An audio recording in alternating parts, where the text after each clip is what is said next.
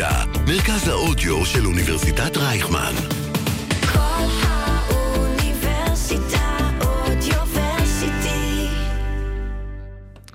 החמוצים היום, הדוד מאמריקה בא לביקור, האם אנחנו נמצאים ביחסי התקשרות חרדה עם ארצות הברית? ומריח האפטר שבע האמריקאי נעבור לניחוחות הביצה הפוליטית המקומית. הילכו שניים יחדיו בלתי אם נועדו, גנץ וסער מתאחדים ואנחנו נשאל למה? העבודה ומרץ דווקא לא מתאחדות, לפחות כרגע. ב-18 ליולי הבחירות ליושבת ראש העבודה, וכפי שאתם מניחים, נראה שהם כבר הוכרעו, במרץ אין יושב ראש. מה קורה שם? ומה אנחנו חושבים על השבוע הראשון האמיתי של ראש הממשלה לפיד? 107 ימים לפני יום הבחירות, החמוצים מתחילים ממש עכשיו. החמוצים, בפעם החמישית. המערכת הפוליטית על ספת הפסיכולוג, עם הפרופסור בועז בן דוד והפרופסור גלעד הירשברגר. היי גלעד, מה נשמע? שלום בועז ושלום למאזינים, לצופים. יש אז, לומר. אז זהו, כן, אה, מי שמאזין לנו עכשיו ברדיו 106.2 FM, כל האוניברסיטה, בכל יום ראשון בשעה 10. מי שלא שומע אותנו ביישומונים זה נפלא, אבל גם אפשר עכשיו אפילו ביוטיוב, פשוט תכתבו החמוצים כל האוניברסיטה, ותוכלו גם לראות אותנו, כל אחד מה שהוא רוצה. אבל בואו נתחיל בחלק הראשון שלנו, גלעד. אה, רוגל אלפר כתב ביום שישי בהארץ, זה מרגיש לחיות בחרדת נטישה. ביידן חשף את התלות הרגשית העצומה של ישראל בארצות הברית. האם יש לנו תלות רגשית באמריקאים? בוודאי. אה, אני לא חושב שביידן חשף שום דבר. אנחנו יודעים שיש לנו תלות מאוד חזקה בארצות הברית. ה- הדבר באמת שהוא מוסיף כאן, שהוא חשוב, זה שהתלות שלנו היא לא רק תלות אה, כלכלית וביטחונית, אלא תלות רגשית. נכון, אני זאת מסכים. אומרת, ו- ואפשר לראות כל הסיקור של הביקור של ביידן בישראל, משקף את החרדה העצומה שלנו. תאהב ו- אותנו, תאהב אותנו בבקשה. עכשיו, כאן יש לומר שביידן טוב בזה. כן. ביידן יודע לספק את הסחורה, הוא, יש בו משהו מאוד חם ובלתי אמצעי, ו, ולמרות כל מיני אה, אירועים שהיו, בסך הכל יודע לשדר הרבה חום ואהבה ולהגיד את המילים הנכונות, אה, ו, והוא קצת אולי משכך את החרדות במובן הזה, ומעצים אותם במובנים אחרים שתכף... אה, אתה, אתה. רוצה דקה אחת שנעשה פסיכולוגיה ונדבר קצת על מערכת היחסים בינינו לבין ארה"ב? בא לך? בוא כן, ננסה. קודם כל אני אולי צריך לדבר באופן רחב יותר על מערכת היחסים בין ישראל לעולם. אוקיי. כן, אה, ואתה אה, פלטת איזשהו אה, מושג כשתיארת את הדברים שהייתי רוצה להתעכב עליו, אמרת שיש לנו התקשרות חרדה עם ארצות הברית. לא סתם שלפתי כאן, את האקדח במערכה הראשונה. כן, אז, אז רגע של פסיכולוגיה. מה זה, מה זה התקשרות? מהמם. אה, ב-in a nutshell, ככה בכמה מילים, הרעיון הבסיסי זה שכל אחד מאיתנו יש לו איזשהו אה, רמה של אה, אה, ביטחון כזה או אחר עם הדמויות המשמעותיות בחיים שלנו. כאן בדרך כלל מדברים על התקשרות ברמה האישית, זה נובע מהינקות, מהאינטראקציות המוקדמות עם הדמויות המטפלות, בדרך כלל ההורים.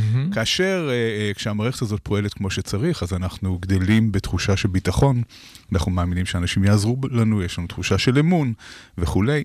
כשהמערכת זה גם הזאת לא... מאפשר לנו עצמאות. זה גם זה מאפשר לנו עצמאות, זה לעשות מאפשר דברים. לנו חקירה ועצמאות, מהמם. כן, זאת אומרת, התחושה של הביטחון מאפשרת לנו גם קצת לצאת מהקן אתה ולעשות... יודע שיש לך, בוא, תכף אני אומר את זה כי אני תכף נקשר, אם אתה יודע שיש לך בסיס בטוח וגב, אתה יכול לצאת להרפתקאות כי אתה יודע שיש מישהו בבית נכון, שישמור נכון. עליך ויציל אותך אם צריך. נכון, אני לא רוצה להתעכב יותר מדי על התקשרות כדי שנגיע לעניין עצמו.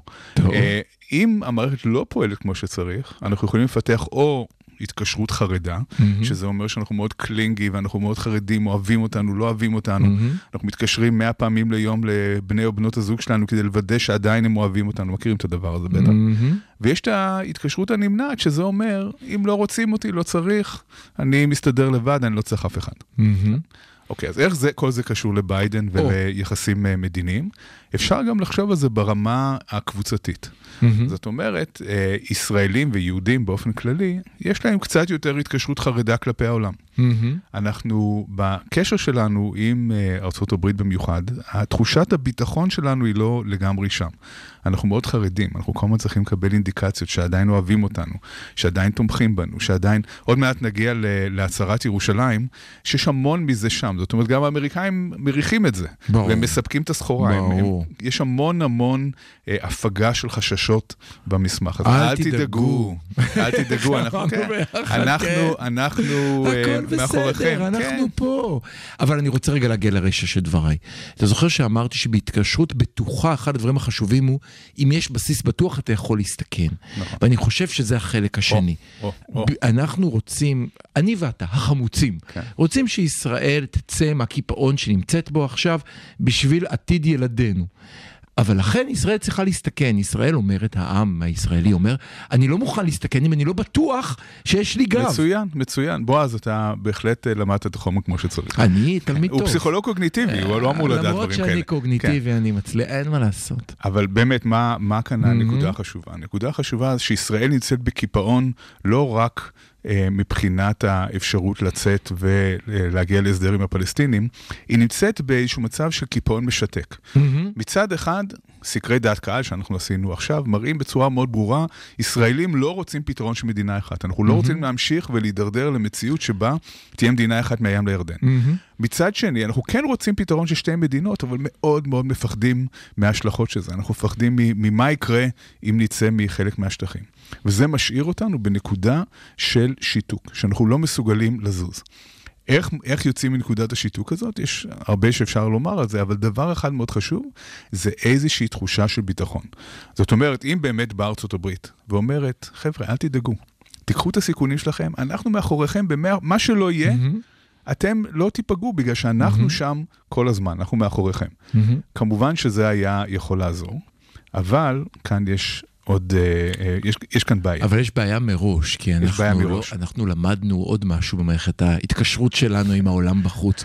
כמו אותו ילד שראה את האבא פעם מרביץ לו ואת האימא פעם נעלמת, וכשפתאום שהוא בצרה כולם בורחים ואין מי שייתן לו נשק. אז יש גם, יש את הצד הזה, אבל יש. אבל יש צד שני. טוב, הקיפאון המשתק וחוסר האמון הישראלי באחרים, הם לא רק שיקוף של איזושהי תפיסה, אלא הם מייצרים מציאות בפני עצמה.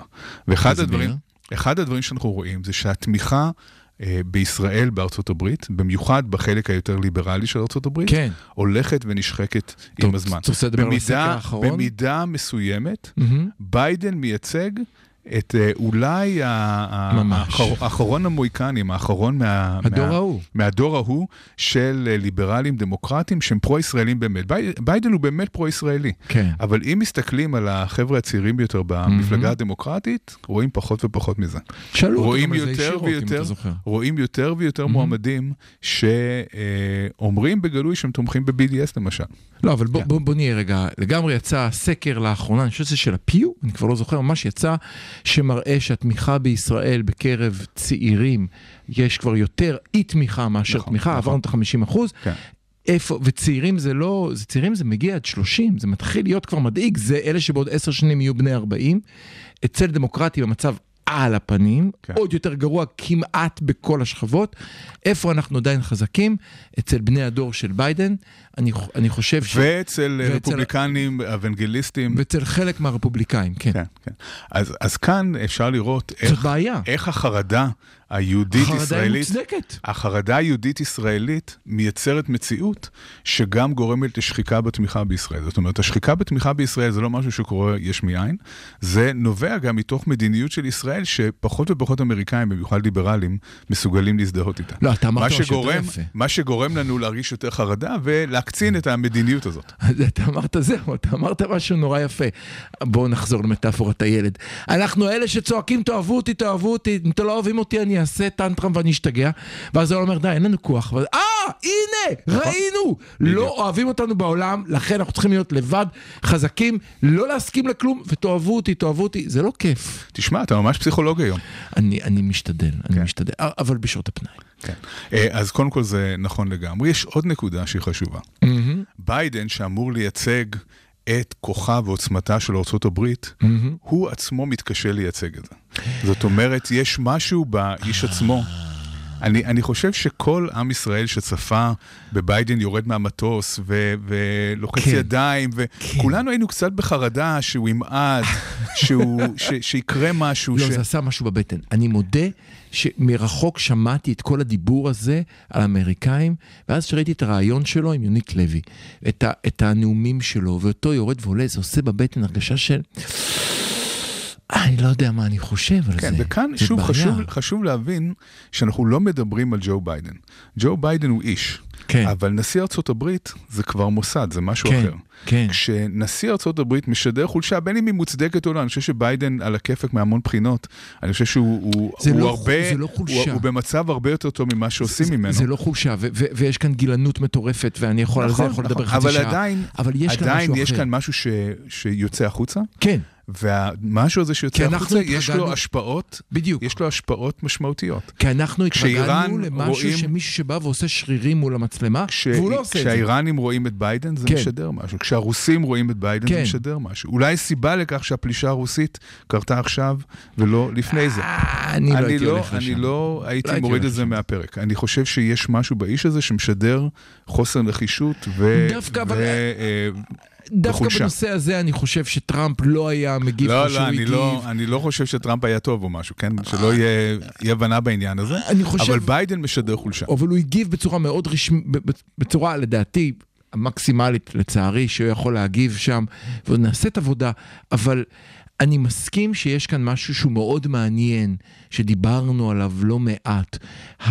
התדמית שנוצרת מאיך שהוא נראה ומאיך שהוא זז, היא כל כך שוברת את מה שאנחנו רגילים מנשיאים אמריקאים, כן. נכון. יש שאמורים כאן איזשהו להראות חוסר נחישות. איזשהו כוח. אבל כאן ברשותך הייתי רוצה לעבור למסמך ירושלים, להצהרת ירושלים. אתה אשכרה קראת אותה, נכון? קראתי לא מההתחלה עד הסוף. לא יאומן.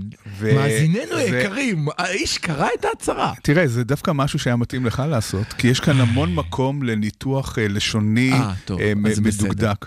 אוקיי, אז קודם כל בוא נתחיל. בוא. נתחיל מ- מ- מאיך שההצהרה הזו בנויה.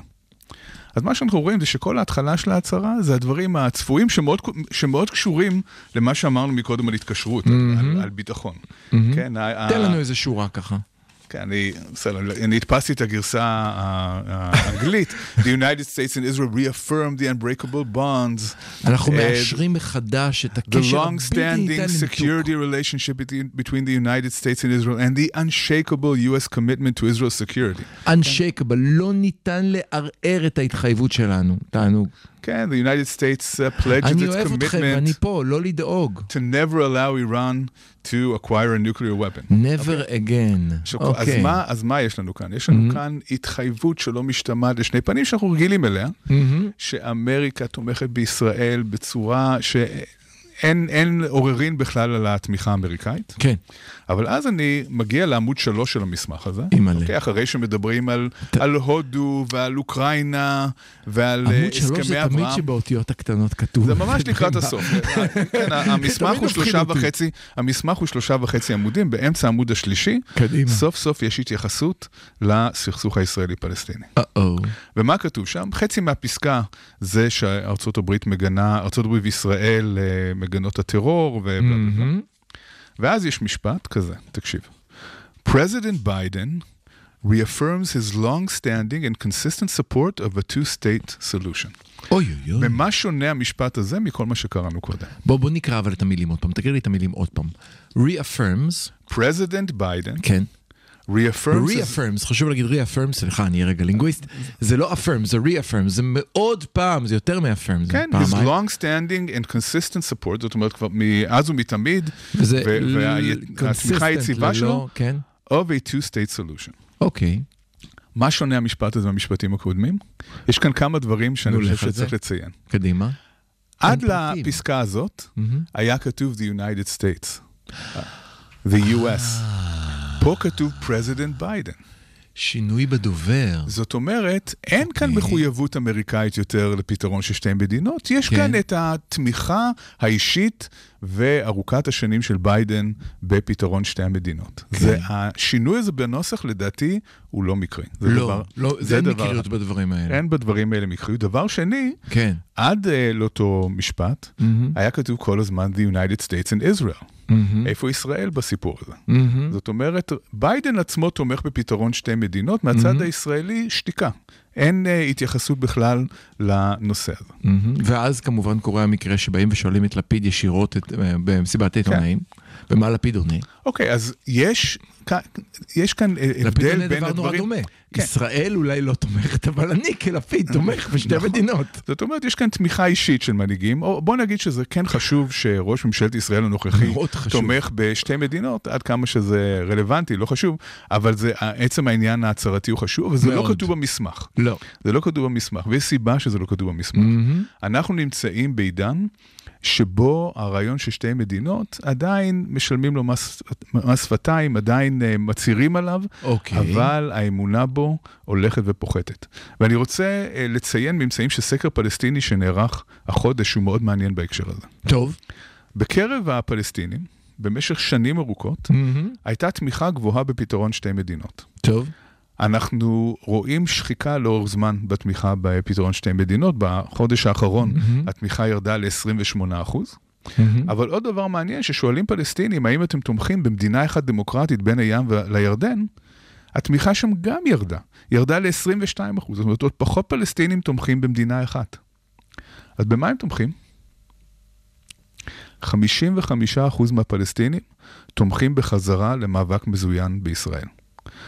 זאת אומרת, שכאן כמובן אה, השומעים הימנים יותר שלנו יגידו, הנה, אתם רואים, אמרנו לכם. אמרנו לכם. אבל אנחנו יכולים להגיד משהו אחר. אנחנו נו. יכולים להגיד שאם מסתכלים על הטרנד אתה לאורך מבין זמן... שחסר לנו פה אחד לא חמוץ שיגיד, הנה אמרתי לכם, אה, רק. כוח הם מבינים. אז אני אומר את זה. במקומו. לא צריך בשביל זה להביא בן אדם. אין צורך.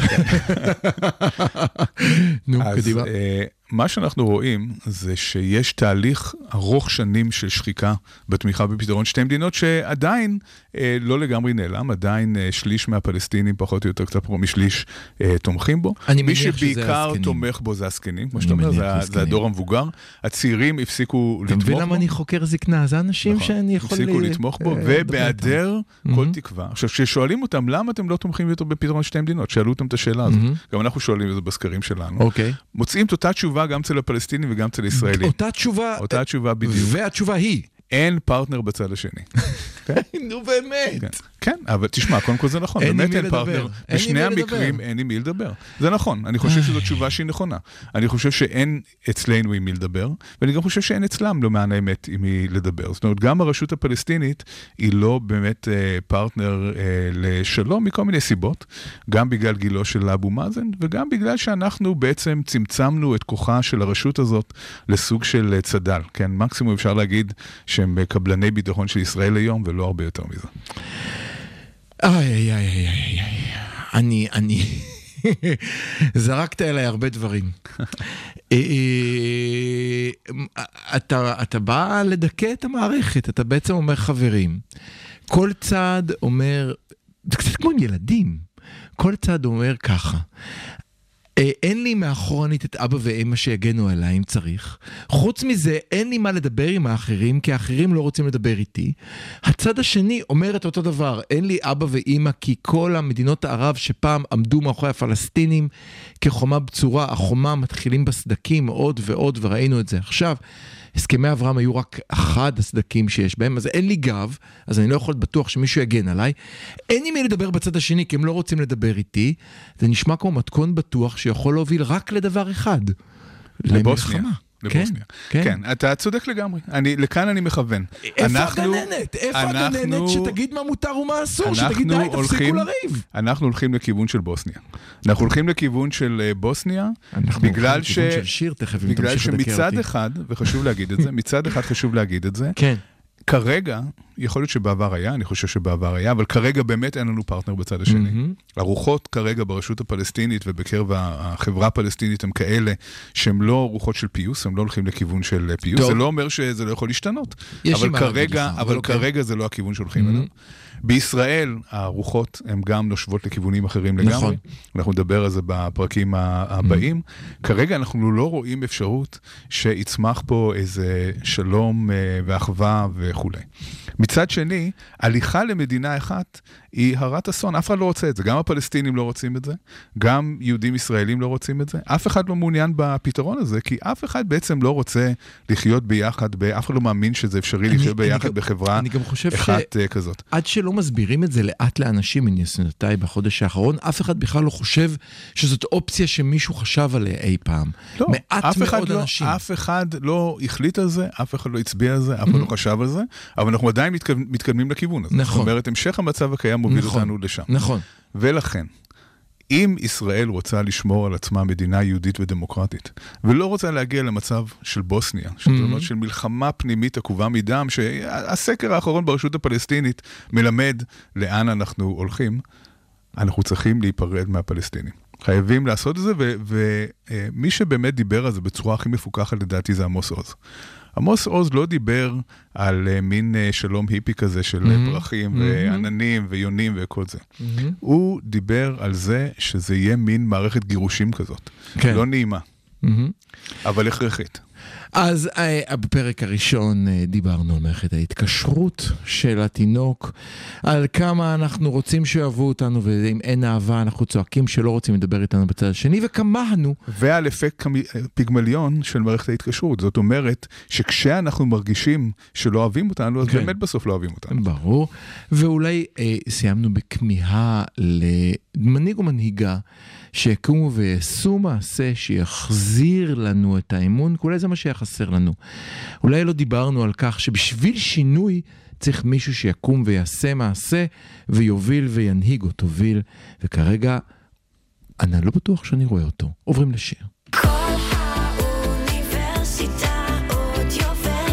כל האוניברסיטה מרכז האודיו של אוניברסיטת רייכמן. החמוצים, בפעם החמישית. המערכת הפוליטית על ספת הפסיכולוג, עם הפרופסור בועז בן דוד והפרופסור גלעד הירשברגר. אז תודה רבה שחזרתם אלינו מאזיני הרדיו, אה, מאזיני הפודקאסט. תדמיינו ששמעתם עכשיו שירים של פוליאנה פרנק. להקת פוליאנה פרנק עשתה אתמול הופעת איחוד, כמובן שאני הייתי שם, למה מי לא. אה, מוזמנים להאזין למילים של השירים שלהם, כבר לפני 30 שנה היא דיברה באופן מאוד מעניין על הסכסוך, אבל לא על זה אנחנו מדברים עכשיו, אה, גלעד, אנחנו רוצים לדבר על גן סער. אז קודם כל קריאה. אני קורא כבר עכשיו לכל מפלגות ישראל, אנא, את כל האיחודים והמהפכות לעשות לפני יום ראשון. אם אתם רוצים שנתייחס אליכם בחמוצים, אתם לא יכולים לעשות את זה ביום שני, זה לא לעניין, או ביום ראשון אחרי עשר. אז גנץ וסער אה, נתנו לנו שבוע זמן לחשוב על האיחוד שלהם, וכבר לראות כמה סקרים.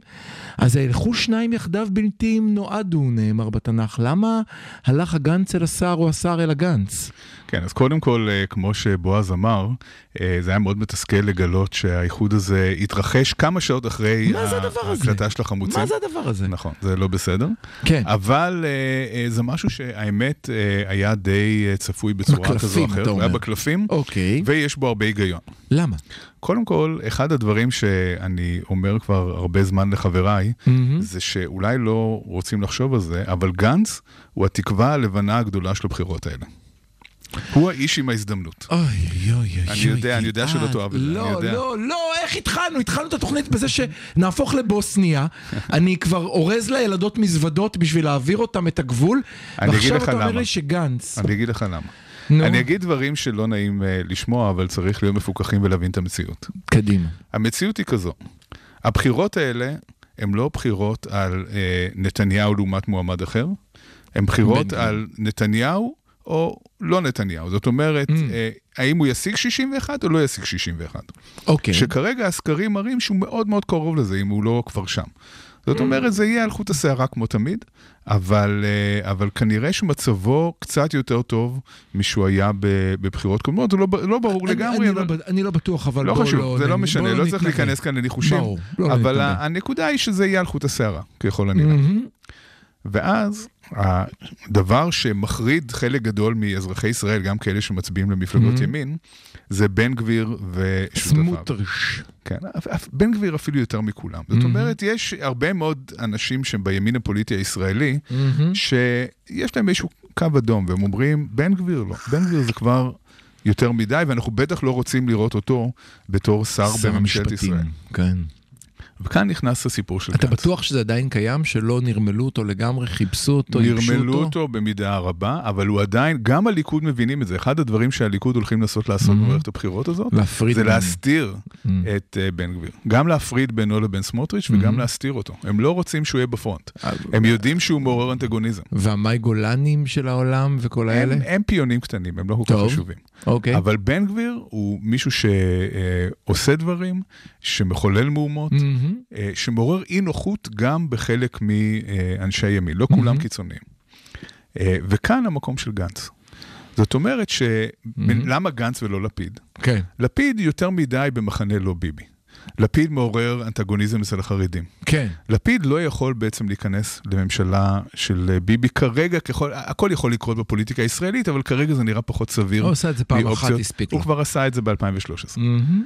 גנץ, לעומת זאת, גם כבר עשה את זה למורת אה, רוחם של הרבה מאוד מצביעי אה, גנץ. וואו, לא, צריך, צ- לא, לא, לא, לא, לא, צריך כן, להגיד, לא, לא, הוא היה בהחלט. קמפיין שאמר, כל הקמפיין שלו היה כתוב או אני או ביבי, נכון. זה לא, זה נכון, לא נכון. שזה הנקודה קטנה בקמפיין, סעיף 18 מיד אחרי איכות הסביבה, כן? נכון, נכון. אה, בוא נגיד שזה שזה גרם למורת רוח זה understatement בקרב המצביעים שלו. מהמם. יחד עם זאת, אם הוא בא עכשיו ומציג את עצמו כאו בן גביר או אני בתור שר ביטחון, אתם כן. רוצים שר ביטחון אחראי? כן. אתם רוצים מישהו שינהל את הביטחון בישראל, של ישראל בצורה כן. אחראית, אצל מישהו שמנוסה לעומת מישהו מהמם. שלא שירת אפילו בצה"ל? כן. זה הבחירה שלכם. זה יגרום להרבה מאוד אנשים מהמם.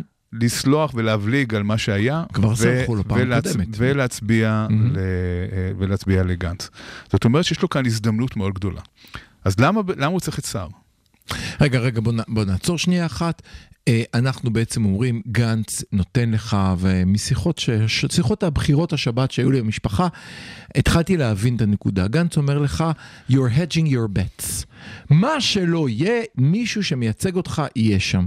אם אתה מצביע לפיד, כנראה שאם היא תהיה ממשלת ימין ובחוץ, אם אתה מצביע גנץ, הוא גם יהיה פה וגם יהיה פה, ותמיד ישמור על אלה מפה ועל אלה מפה, והוא נותן לך את המקום הבטוח והרגוע שלך, שיש מי שאפשר לסמוך עליו. גנץ הוא היחידי שיכול לשמור על זה שממשלת ישראל תהיה חצי נורמלית. כן, זאת אומרת שאם אנחנו... שמינית נורמלית, אבל אם בסדר. אנחנו, אם, אנחנו. אם אנחנו יוצאים מתוך נקודת הנחה שככל הנראה תקום ממשלת נתניהו מהמם. בקונסטלציה כזו או אחרת, אז השאלה זאת לא הגדולה נקודת כרגע... ההנחה הנכונה בעיניי, אבל בסדר, זה להפסיד את ה... זה- זה לא לעלות למגרש, אז אז אל תעלה אוקיי, לשחק מותר כדורגל. לך, מותר לך לשגות באיזה אשליות שאתה רוצה. אני אה, חושב שגיתי שאם ארבע פעמים מסתכלים... באשליות וארבע פעמים לא טעיתי, בוא. נכון, לא, אתה צודק בזה שהסיכוי של נתניהו להגיע ל-61 הוא לא גבוה יותר עכשיו משהוא היה בעבר ככל הנראה, אבל הוא תמיד על חוט השערה שם, כן? הוא תמיד uh, מאוד קרוב, וכרגע גם יש דברים שונים שקורים, כולל. המשפט שלו, כולל... אחד הדברים שלמשל קרו בבחירות הקודמות, Mhm. שכנראה לא יקרו עכשיו, יש שני דברים חשובים.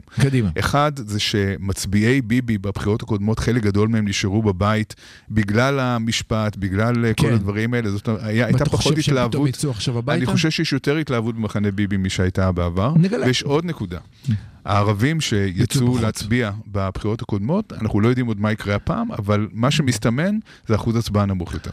השילוב של שני הדברים האלה מגדיל את זה שילוב הסיכוי. קטלני. אני אני פשוט לא אה, אוהב את התבוסתנות. ואני לא מדבר אפילו על מרצ, שנדבר עליה ב- אני- אני- בסבב. אני לא- אני לא אוהב את הגישה התבוסתנית שלך שבאה לא ואומרת, הפסדנו את המלחמה מראש. אבל אוקיי. לא הפסדנו לא, ולא ניצחנו. יש כאן איזושהי מציאות שצריך להכיר, לפחות באפשרות, אפשרות. המאוד מאוד ריאלית שזה מה שהולך לקרות. אוקיי. ואז גנץ בא ואומר. תקשיבו, כנראה תקום ממשלת, הוא לא צריך להגיד את זה אפילו, אבל הוא הוא, לא צריך את להגיד, הוא, הוא צריך להגיד, אני או בן גביר. אתם רואים את בן גביר? אתם רוצים אותו בממשלה, או שאתם רוצים אותי? אני ה- הבן אדם היחידי במערכת הפוליטית הישראלית שמסוגל לחסום את בן גביר, וזה נכון, הוא היחידי כרגע שבאמת מסוגל לחסום את בן גביר, ו- ולכן אה, הוא צריך לעלות על הגל הזה, ויש סיכוי שהוא, שזה באמת אה, יצליח. למה הוא צריך את סער? או, לא דיברנו על סער. בוא, בוא, זה רוצה להביא אותך. למה שר צריך אותו? אני חושב שזה די ברור. כן, סער צריך אותו בגלל. שסער סער, אה, לא שורד בלי אה, הוא, חיבור. הוא, הוא רואה שהוא על ארבעה מנדטים בשלב הזה, הוא מבין לאן זה ימשיך קדימה. אני מבין למה סער צריך אותו, והוא קיבל אה, נדוניה לא מאוד גדולה, קיבל שלוש מקומות בעשירייה הראשונה, לא להיט. אה, מה גנץ צריך את סער? אוקיי, אז תראה, סער מצד אחד אין לו המון אה, מצביעים והמון תמיכה, אבל סער מייצג משהו שמתאים בול, בדיוק. שמתאים בדיוק לגנץ. אני מסכים. סער מייצג אה, ימין ליברלי, מתון, מאזן של אה, פעם, כן. שמאוד קשה למצוא אותו היום. גם, גם ממנו עולה קצת ריח של פעם, נכון? כן, כן, אתה יודע, מין אה, כן. אה, ימין אה, אה, ז'בוטינסקאי, אה, בגיני כזה, שמצד אחד ארץ ישראל וכל הדברים האלה, אבל מצד אחד באמת אה, תפיסה יותר ליברלית, אה, יותר דמוקרטית. אפילו ראו את זה אה. בבית, בבחירות עכשיו לבית המשפט, בכל בחירת נכון, השופטים. נכון, נכון. זו הייתה בחירה, לא, לא לטעמי, אבל מספיק מאוזנת בשביל שלא תגרום לי לצאת מהבית. כן. אז למה גנץ אה, צריך אותו? בגלל שהבוננזה הגדולה במערכת הפוליטית הישראלית זה המרכז ימין. כן, שם, שם הכמות הגדולה ביותר של אה, מצביעים, וברגע שגנץ אתה מחבר את מתכוון עצמו... שמצביעים שהם לא מכורים למפלגה הסופית? יש מרכז פוליטי מאוד גדול. מהמם. של אנשים שחלק מהם כבר אה, כן אה, הם מחוברים למפלגה Mhm. כזו או אחרת, אבל לא כולם. והרבה מהאנשים האלה לא נשואים לאף מפלגה. זאת אומרת, מהיותם מרכז אוקיי. אה, פוליטי, אוקיי. הם אה, מחפשים כל פעם, הם כל פעם מתלבטים. גנץ, לפיד, העבודה, אה, גנץ לפיד. העבודה זה לא נשמע ימין עד עכשיו. לא, אז- שר זה ימין. נכון, סער, אבל אתה יודע, בתוך המעגל הזה, תתפלא, אבל יש אנשים שמתלבטים לא, בין המפלגות גנץ האלה. לפיד העבודה שר זה, זה חתיכת אה, ספקטרום פוליטי נתת נכון, לנו פה. נכון, נכון. אה, העבודה בין מנסה, אה, אבתיסים ל- לבני בגין יש פער. העבודה מנסה למצב את עצמה כבר הרבה מאוד זמן בתור אה, מרכז עם טיפה נטייה שמאלה. אנחנו נרד בתור, על העבודה בתור מפאי, הבא. בתור מפאי ולא אה, משהו יותר מזה. אה, לכן גם היא נכ- נכנסת Mm-hmm. לעניין הזה, וכאן היכולת של אה, גנץ באמת אה, לדוג מתוך המאגר הזה. אה, תלויה במידה רבה בהתנערות מהתדמית של שמאל. אוקיי. כן, לצאת מה, מה... ולחבור לסער שהוא ימין ברור, אבל ימין שאפשר לקבל אותו, אפשר, הוא לא יבריח את מצביעי המרכז, אבל יכול למשוך אולי מצביעי ימין light. והוא יכול להבריח את מצביעי, הוא יכול להבריח אנשים לאזור אה, לפיד. הוא יכול להבריח מצביעים אני לאזור לא לפיד. חושב, אני לא חושב. אתה לא אני חושב שאברך אני מצביעים חושב לאזור לפיד? שהרבה מאוד אנשים, אתה יודע, אני, סתם מ, משיחות שאני מנהל, כן. אני חושב שהרבה מאוד אנשים בישראל הפסיקו להצביע מהבטן.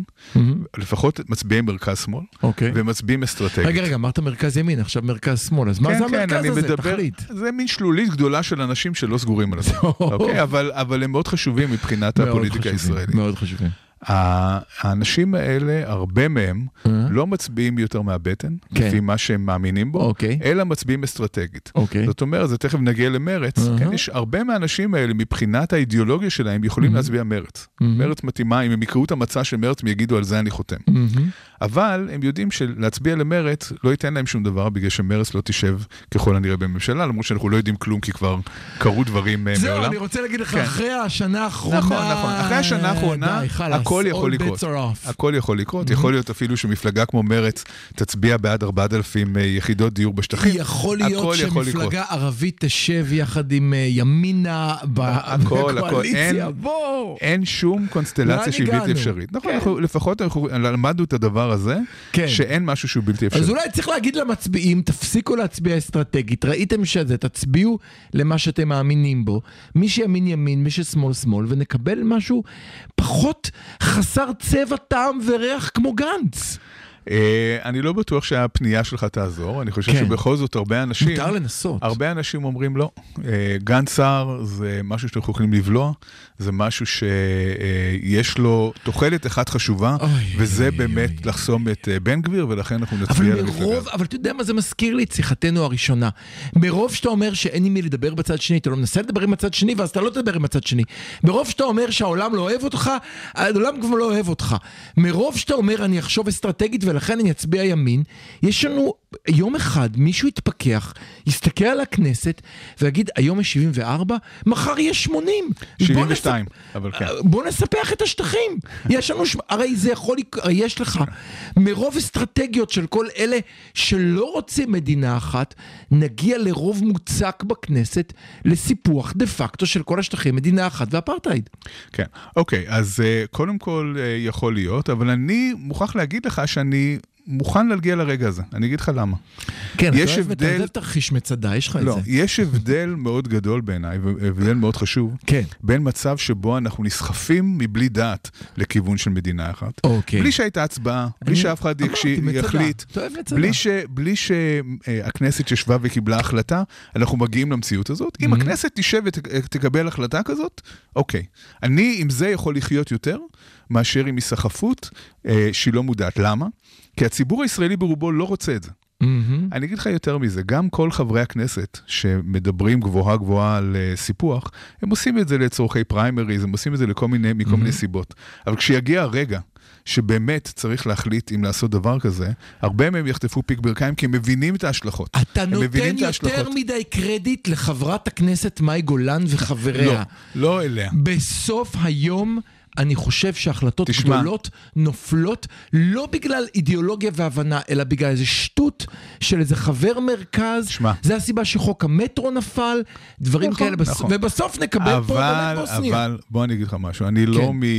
מחובבי נתניהו, כמו שאתה יודע, מהמם. ועדיין, אני יכול להגיד לך שהוא לא יצביע בעד סיפוח אה, כל השטחים, בעד, בעד הקמה של מדינה אחת. אני למה, איך אני יודע את זה? כי הוא לא עשה את זה עד היום. אתה- כי הוא לא עשה את זה עד היום. אז מה? הוא לא עשה את זה עד היום, כי בכל- הוא מאוד טוב בלדבר, והרבה פחות טוב בלעשות. בכל כהונה וזה, שלו הולך וזה אחד. היתרונות שלו דווקא. כן, אני יודע. הוא חזק בדיבורים וחלש מאוד במעשים, והוא לא לוקח סיכונים. הוא לא אוהב לקחת סיכונים. בכל כהונה הולך ומקצין. אני... אני, אני ברטוריקה, אני- אני- ברטוריקה בלבד. אנחנו, אנחנו, בוא, בוא נחיה ונראה. לפני שנעבור לדבר על, ה, על השמאל ועל לפיד, ממש יש לנו שתי דקות, וזה המקסימום שאני מוכן להקדיש לזה. בואו נדבר על ימינה. ימינה ז"ל, מה, מה יש לדבר עוד על ימינה? וגמרנו לדבר על ימינה, תודה רבה לכם. כן, לא, מה שמעניין בימינה זה שזה ממש חסר תקדים בהיסטוריה הפוליטית, לא רק של ישראל, אלא בהיסטוריה הפוליטית העולמית, שמפלגת שלטון מתפרקת לרסיסים ולא נשאר ממנה דבר. ממש לא נשאר ממנה שום דבר. קדימה לקח לה שתי קדנציות, אבל לא משנה. כן, אבל קדימה זו מפלגה... אבל קדימה את שהיא- ה-30 מנדטים הפכה לאפס, בואו. נכון, אבל קדימה זו גם מפלגה שהיא היא נוצרה למען מטרה מסוימת, והיא כן. נעלמה ברגע שהמטרה הזאת... היא גם הייתה מפלגה של איש אחד, היא הייתה מפלגה של אה, שרון בסך הכל. כן, אולמרט עוד הצליח להחזיק אותה. ימינה היא. מפלגה של איש אחד שקוראים לו בנט. כן, אבל ימינה קיימת כבר כמה שנים, היא קיימת יותר שנים מ... רק מקדימה. כבנט. היא קיימת רק כבנט, וברגע שבנט עזב, היא הפסיקה, היא חדלת הסיבה פירעון. שימינה התפרקה זה לא בגלל שבנט עזב. הסיבה שימינה התפרקה, ודיברנו על זה כן, בפרק זה הקודם, הרבה. זה שנוצר מצב שבו המנהיג אה, של מדינת ישראל, ראש ממשלת ישראל, Mhm. הוא חבר במפלגת ימין מאוד קיצונית שלא יכולה להסתדר עם הצורך של ראש ממשלה בישראל להתמרכז. אני די בטוח שאני... אני... אה, אה, אני חושב שאם בנט היה מחליט שהוא רץ, המקום שלהם היה אחרת, אבל זה לא משנה. אני לא חושב. אני- חושב, הסקרים יראו שהמצב שלהם היה אנחנו- על הקרשים גם ככה. זה- זה די- זה דיבורים שלא... זה בדיוק על החול, שהמים יבואו וטשטשו אותם. אין ימינה, בקיצור. אבל, אבל אני חושב שיש כאן שני דברים חשובים שאתה לא יכול להתעלם מהם. אחד, לימינה יש בנק של שבעה מנדטים שהוא הרבה כסף, וימינה תצטרך, אם לאיילת שקד יש שכל, ויש לה שכל, לחשוב מה היא עושה עם הנדוניה המאוד מרשימה הכלכלית הזאתי. אני לא יודע מה היא יכולה לעשות. שתיים, יש את מתן כהנא. מתן כהנא הוא דמות מאוד חשובה בישראל. אה, הוא... תקשיב, אני אתן לך את ויז'ואל אחד שאני רוצה שתישאר ממנו מתן כהנא. זה התמונה של יושבת ראש אה, אה, המועצה הדתית של, אה, לא חשוב איפה, עם אה, כיסוי ראש במדים עושה מילואים. הוא אמר, הנה, לא רק שהכנסתי לכם אישה ענה בעין, יושבת ראש מועצה דתית, אלא עוד אחת שעושה צבא. נכון. מתן כהנא הוא באמת ההפתעה של ימינה, כשמתן כהנא הוא היחידי ששמר אה, אמונים לבנט. הוא ממש כן. חבר הכנסת היחידי ששמר אמונים והוא- לבנט. אני מוכרח להגיד שאולי צר לי קצת צר. עליו, שכנראה הוא אה, יתפוגג וילך, אבל על מי שלא... צר לי בכלל, זה על איילת שקד, שחוץ מזה שהיא פוליטיקאית מאוד מסוכנת, היא כנראה אישה די נוראית. אה, אני, אני מוכרח להגיד שאני לא מתאבל על זה שהמפלגה הזאת אה, לא קיימת יותר. אני מבקש מגלעד למחוק את החיוך מהפרצוף, אנחנו דיברנו הרבה על איילת, אנחנו עוברים לשיר, ובחלק הבא נדבר על לפיד וקצת על השמאל. כל האוניברסיטה, מרכז האודיו של אוניברסיטת רייכמן. החמוצים. בפעם החמישית. המערכת הפוליטית על ספת הפסיכולוג. עם הפרופסור בועז בן דוד והפרופסור גלעד הירשברגר. אז תודה לכם שחזרתם אלינו, אנחנו בחלק השלישי שלנו. אז אני רוצה לספר לך חדשות מרגשות, שאני חושב שאתה לא יודע. מחר, כן. ת, ת, תראה מתרגש יותר. אני כבר. מתרגש, כן. מחר יש בחירות לראשות מפלגת העבודה. וואו. האם אתה יודע מי מתמודדת פרט למרב מיכאלי? לא? באמת לא. זה אומר הכל. אז מתמודד ערן חרמוני, מזכ"ל מפלגת העבודה, ואנחנו מאחלים לו הצלחה. כן, בסדר. אה, מרב מיכאלי תזכה בבחירות מחר. אה, די בצדק היא לקחה מפלגה מתה והפיחה ברוח חיים, אבל על הדרך היא עשתה דברים שלי מאוד הפריעו. באופן, זה בסדר, אני לא חבר מפלגת העבודה. אני חושב שבניסיונותיה אה, למצב את מפלגת העבודה כמפלגת מרכז חדשה, היא שכחה שמימינה במרכז יש מספיק מפלגות רבות, ויש לה ערכים שהיא שכחה. היא עשתה מהלך מאוד, חז... מאוד חכם שעוזר לה, כרגע היא בעצם הולכת להיות היושבת ראש היחידה של מפלגה ומקבלת מכך לא מעט מצביעות ומצביעים שחושבים שזה חשוב, וזה באמת חשוב. לגמרי. אה, אה, על כן, אה, אם כבר קפצנו למרץ, אה, אה, דיברו בדיוק על זה בסוף השבוע, ורטר הזכיר את זה ועוד. בוא, בוא נדבר טוב, על העבודה נשאר קודם. בעבודה, כמה. בסדר בוא נשאר גמור. בעבודה. אה, אני חושב שבאמת היא- אי אפשר לא? לקחת... מה היא לא אמרה אבל בשנה האחרונה? איזה מילה לא נאמרה בשנה האחרונה? אה, כיבוש. אני אה, אזכיר לך את קשקשת, כמעט ושכחתי שלום. טוב, האמת שהמילה שלום היא- מילה שאני גם לא אוהב, אני חושב אני שהיא יודע, אני מייצרת יודע. אה, ציפיות. לא ריאליות. קשה לך. כן, אבל, אבל כן אפשר לדבר על כיבוש והיפרדות, שאלה דברים שאנחנו כיבוש בכלל לא אמרו, נכון. אבל אבל אפילו כן, אבל היפרדות בוא נדבר על לא מפלגת. העבודה, אנחנו תמיד אה, נגררים לאותו המקום, בוא נדבר על מפלגת העבודה. כן, מצד אחד, אי אפשר לקחת למרב מיכאלי מה שהיא עשתה, היא לקחה מפלגה גוססת, כמעט. אה, מתה, וכמו שאמרת, הפיחה בה לו רוח הייתי חיים. חבר מפלגת העבודה, מחר הייתי שם את קולי עבורה, עבור ההצלה המטורפת. כן, אבל השאלה היא בשביל מה באמת להיות חבר מפלגת העבודה? מה מפלגת העבודה הזאת עשתה אה, בקדנציה Mhm. האחרונה? והתשובה היא, בסך הכל, לא, לא הרבה, היא לא Mhm. מאוד אה, מרשימה. Mhm. האכזבה הגדולה שלי, גם מהעבודה וגם ממרץ, זה שהם אה, הסכימו לבלוע הרבה מאוד אה, צפרדעים בכל מה שנוגע להחלטות אה, בנייה בשטחים כן. וכולי. ברגע שהם עשו את זה ובעצם התפרקו מהערכים ההיסטוריים שלהם, אז אה, אני לא רואה הרבה טעם אה, ל- לקיום שלהם, לזה שהם יהיו שם.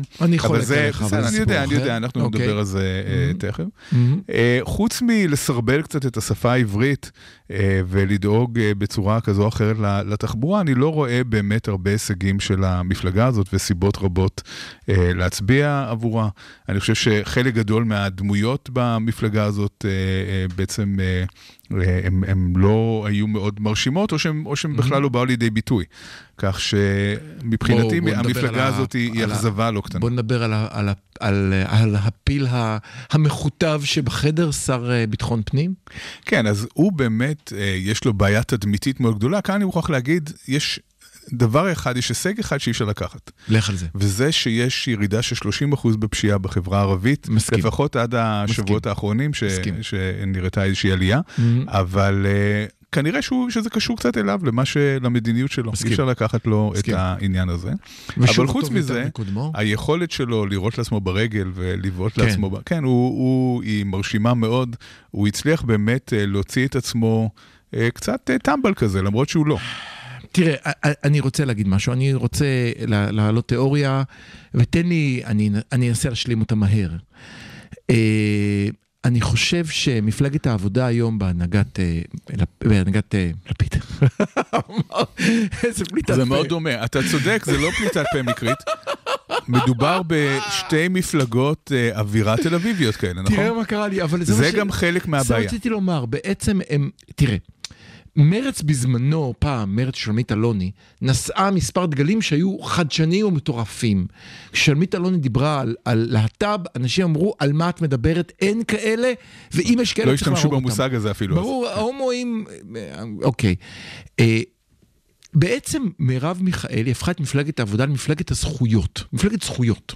זאת אומרת, אנחנו דואגים לזכויות נשים, אנחנו דואגים לזכויות אדם, אנחנו דואגים לזכויות להט"ב, אנחנו מדברים על הרפורמים, וכל הכבוד לגלעד קריב, שבאמת חבר כנסת שעושה עבודה חבר מצוינת. כנסת מדהים. מעולה, באמת, מסכים. הוא עושה עבודה מדהימה, מדהימה, מדהימה. מסכים, אני, אני שם את הדברים על השולחן. אולי חבר הכנסת המרשים ביותר בכהונה האחרונה שלו. אני חושב שמוסי, הוא ומוסי, ומוסי, עומדים אוקיי, ביחד, מוסי אבל רץ, בסדר, בסדר. בוא, נקודה ספציפית היא כזו. זאת אומרת שהיא הפכה את עצמה למפלגת דגל הזכויות. דגל חשוב, דגל חשוב. אממה, אני מסתכל ימינה, אל אה, ימינה לכאורה, אל מפלגת יש לפיד, והיא גם סוג של מפלגת הזכויות. היא גם סוג של מפלגה לא, לא ערבים ולא פלסטינים, אבל נושא של ליברליות וזכויות אדם נמצא גם פה, גם פה. מה עוד יש לנו? איזה עוד דגל יש לנו? אבל כאן שוב, אני שמח שהזכרת את שולמית אלוני בהתחלה. רגע, רגע, רגע, שנייה, איזה עוד דגל יש לנו במפלגת העבודה? סוציאליזם, נכון? זה דגל של מפלגת העבודה? אה, לא. בדיוק, בדיוק, אה, לא ממש. איזה עוד דגל יכול להיות למפלגת העבודה? מפלגת העבודה זה רבין שעשה את הסכם, שעשה אה, את כל ההסכמים הפלסטינים ואת הסכם עם ירדן. האם אתה רואה את מפלגת העבודה מזמזמת היא לא משהו בכיוון. הזה? שום דבר. נכון.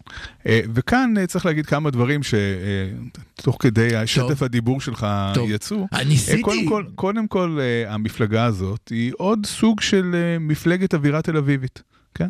כמו לפיד, אה, הם דוגלים פחות או יותר באותו הדבר. לא יכול להיות שגם הם לפיד, פונים- גם מיכאלי הם וגם פונים- רק תל אביב, תל אביב קטנה הם מדי. פונים, ס- הסוג הזה של האנשים, כן? יש אנשים תל. אביבים שחיים לא בתל אביב, אבל הסוג הזה של האנשים, וזה בעצם... אשכול אשכול 1, 2, 3? אסכו- להפך, 8, 9, 10. סליחה, הגבוהים 8, 9, 10, אה, אוקיי. זה, בעצם אה, אותה אוכלוסייה, ולכן המפלגות האלה, היכולת שלהם לפרוץ. ולהתקדם היא מאוד מוגבלת, בגלל שהם כבר מיצו את הפוטנציאל שלהם. אחוזי ב- באשכולות האלה הם גבוהים יחסית. כן. אה, הסיכוי שלהם לגדול הוא לא מאוד אה, גבוה. Mm-hmm. אז, אז אנחנו נשאר, אז לפיד יישאר לפיד, ומיכאלי תישאר מיכאלי, ואנחנו Mm-hmm. לא נראה איך הם אה, פורצים את הגבול הזה. כן. ומה שבאמת חסר בישראל, מהמם. זאת מפלגה שתדבר על הבעיה מספר אחת. אנחנו מדברים פה, ה- איך שאני רואה את הדברים, כן. הטיטניק עומדת לפגוע בקרחון. לקרחון הזה קוראים מציאות המדינה האחת הבלתי הפיכה. זאת אומרת, מציאות שבה יש מדינה אחת מהים לירדן, אנחנו שולטים בכמעט שלושה מיליון פלסטינים ב- בשטחים, כן. ואנחנו מיעוט כרגע, אנחנו מיעוט בארץ ישראל המערבית, מה שנקרא, ממערב לירדן, ארץ ישראל המנדטורית. כן. אוקיי, אנחנו מיעוט. כן. ביהודה, שומרון, עזה וישראל, אנחנו היום מיעוט קטן של 49 אחוז, פחות או יותר. אם אנחנו מתקדמים לכיוון הזה, זה סוף החזון הציוני, זה סוף מדינת ישראל, שיהיה ברור, אין שום דרך לעגל את כן. הריבוע הזה או לרבע כן. את המעגל הזה, זה מה שהולך לקרות. כן. ובמקום זה מדברים איתי על זכויות של אלה וזכויות של אלה, וכן, ה- כל השיח הזה, זה ממש כאילו ועד הקישוט של הטיטניק מתכנס ומנסה לקבל כל מיני החלטות. זה חסר משמעות, אין לזה שום משמעות ביחס לדילמה הגדולה, לבעיה הגדולה שניצבת בפני ישראל. אני אגיד לך יותר מזה, אני אגיד לך יותר מזה, אגיד לך במה מיכאלי אכזבה אותי, ואני אומר את זה בהרבה כאב, גם בגלל היכרות איתה, וגם בגלל שקיוויתי שהיא תפתור לי הרבה בעיות ותהפוך להיות מובילה חדשה של השמאל, ותקל לי את החיים. מנהיג או מנהיגה יכולה, בוא נדבר, בוא נדבר מרב מיכאלית, מנהיגה יכולה להראות את האנשים מאחוריה, להתוות דרך ולהגיד זאת המציאות, זאת הסכנה, בואו אחריי, אני יודעת לאן אני מוליכה אתכם. ובמשך שנה וחודשיים שמרב מיכאלי אמורה להיות מנהיגת השמאל החדש מפה עד פה, לא שמעתי אותה אומרת, לא שמעתי אותה עושה, אתה יודע מה? מפגש שלה. עם מקביל פלסטיני שבו היא אומרת, זה החזון שלי, לשם אני רוצה ללכת. אתה אמרת מקודם או משהו... סיור בשטחים ואומר, תסתכלו, זה אמרת- מה שקורה לשמאל, זה מה שקורה מימין, בואו תראו את המציאות. לא ראיתי את זה. כן, היא לא רוצה לעשות את זה, ו- וכאן אתה אמר, הזכרת מקודם מישהי שההשוואה היא מתבקשת, שולמית אלוני. כן. שולמית, אין היום שולמית אלוני. אין היום מישהי שיודעת להילחם. שיודעת אה, לצעוק מכל גבעה ולזעוק נגד אה, מה שקורה. שולמית אלוני הייתה מאוד מאוד אפקטיבית. שנאו אותה וביקרו אותה, כן, וכן, כן. היא הייתה אה, מטרה של הרבה מאוד אה, סוף. הסתה, ו... אבל היא עשתה את העבודה של השמאל הציוני, מה שנקרא, בצורה הטובה ביותר שאפשר. זאת אומרת, היא באמת, כשהיא דיברה על, אה, על זכויות, היא לא סתם אמרה את זה ב, בשפה רפה, בקול חלש, היא עמדה ונלחמה כמה שהיא יכלה על הדברים האלה. גם יוסי שריד היה במקום הזה. מה שחסר לשמאל זה אנשים כאלה.